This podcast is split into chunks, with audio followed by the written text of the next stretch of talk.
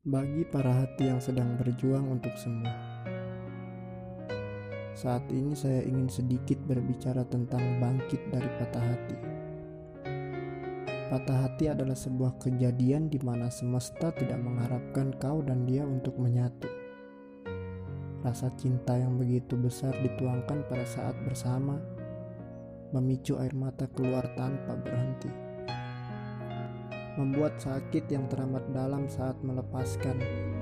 Sakit yang kita alami menjadi begitu besar. Kita telah salah menjatuhkan pilihan pada orang yang belum tentu menetap untuk kita. Membuat kita menjadi pembenci yang tidak tahu arah dan tujuan. Bukan benci pada rasa yang masih tertinggal, tapi membenci akan sosok salah yang kita pilih membuat kita menjadi trauma akan cinta baru yang berniat mendekat, menutup diri pada kesunyian yang berbalut kesedihan.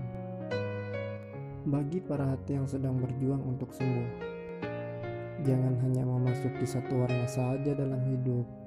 Mari jelajahi berbagai macam warna kehidupan yang sedang menantimu. Dengan begitu, kau akan dapat menemukan warna yang cocok untuk dirimu menjadi warna yang cerah untuk menghiasi hari-harimu.